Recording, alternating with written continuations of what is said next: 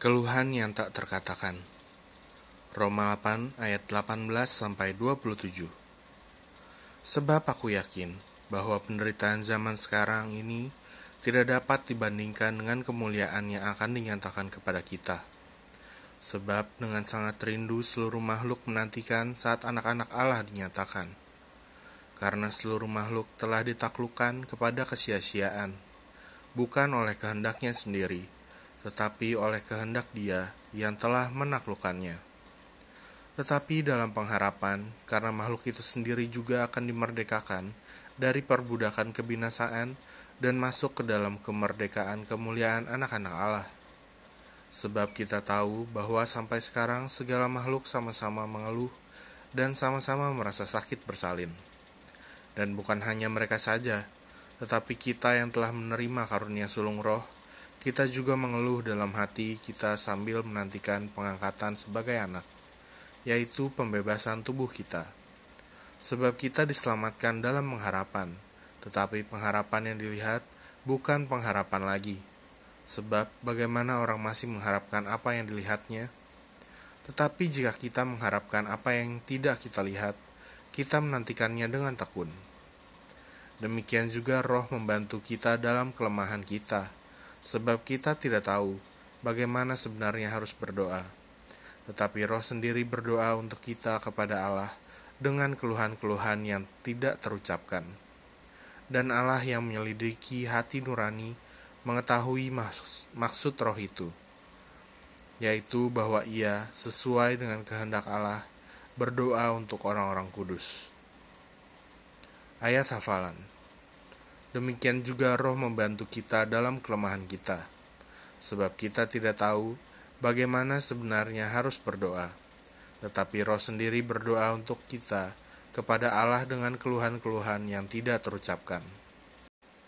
Renungan Inspirasi Pernahkah Anda mengalami beban berat hingga untuk berkata-kata pun Anda tak sanggup lagi?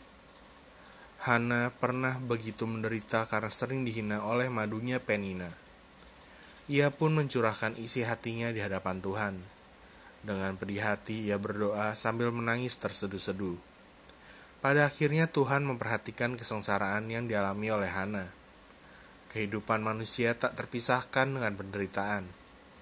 Inilah juga yang dikatakan oleh Rasul Paulus.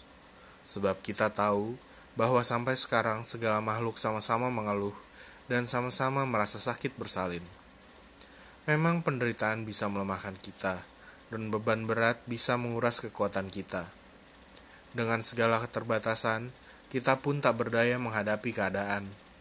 Namun ternyata kita memiliki sumber kekuatan yang tak terbatas dari sorga, yaitu melalui doa.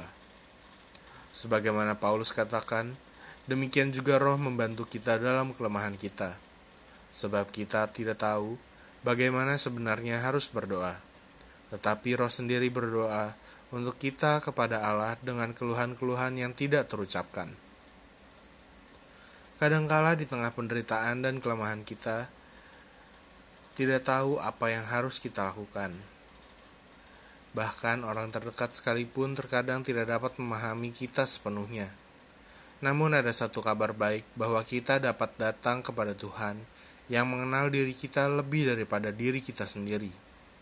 Bahkan ketika kita tak lagi mampu berkata-kata di dalam doa, rohnya yang ada di dalam kita turut merasakan. Bahkan roh itu berdoa untuk kita agar kita dikuatkan. Roh itu juga yang menuntun kita kepada kehendaknya, membuat kita memahami apa yang Tuhan mau di dalam hidup kita. Itulah sebabnya doa bukan sekedar kewajiban rohani.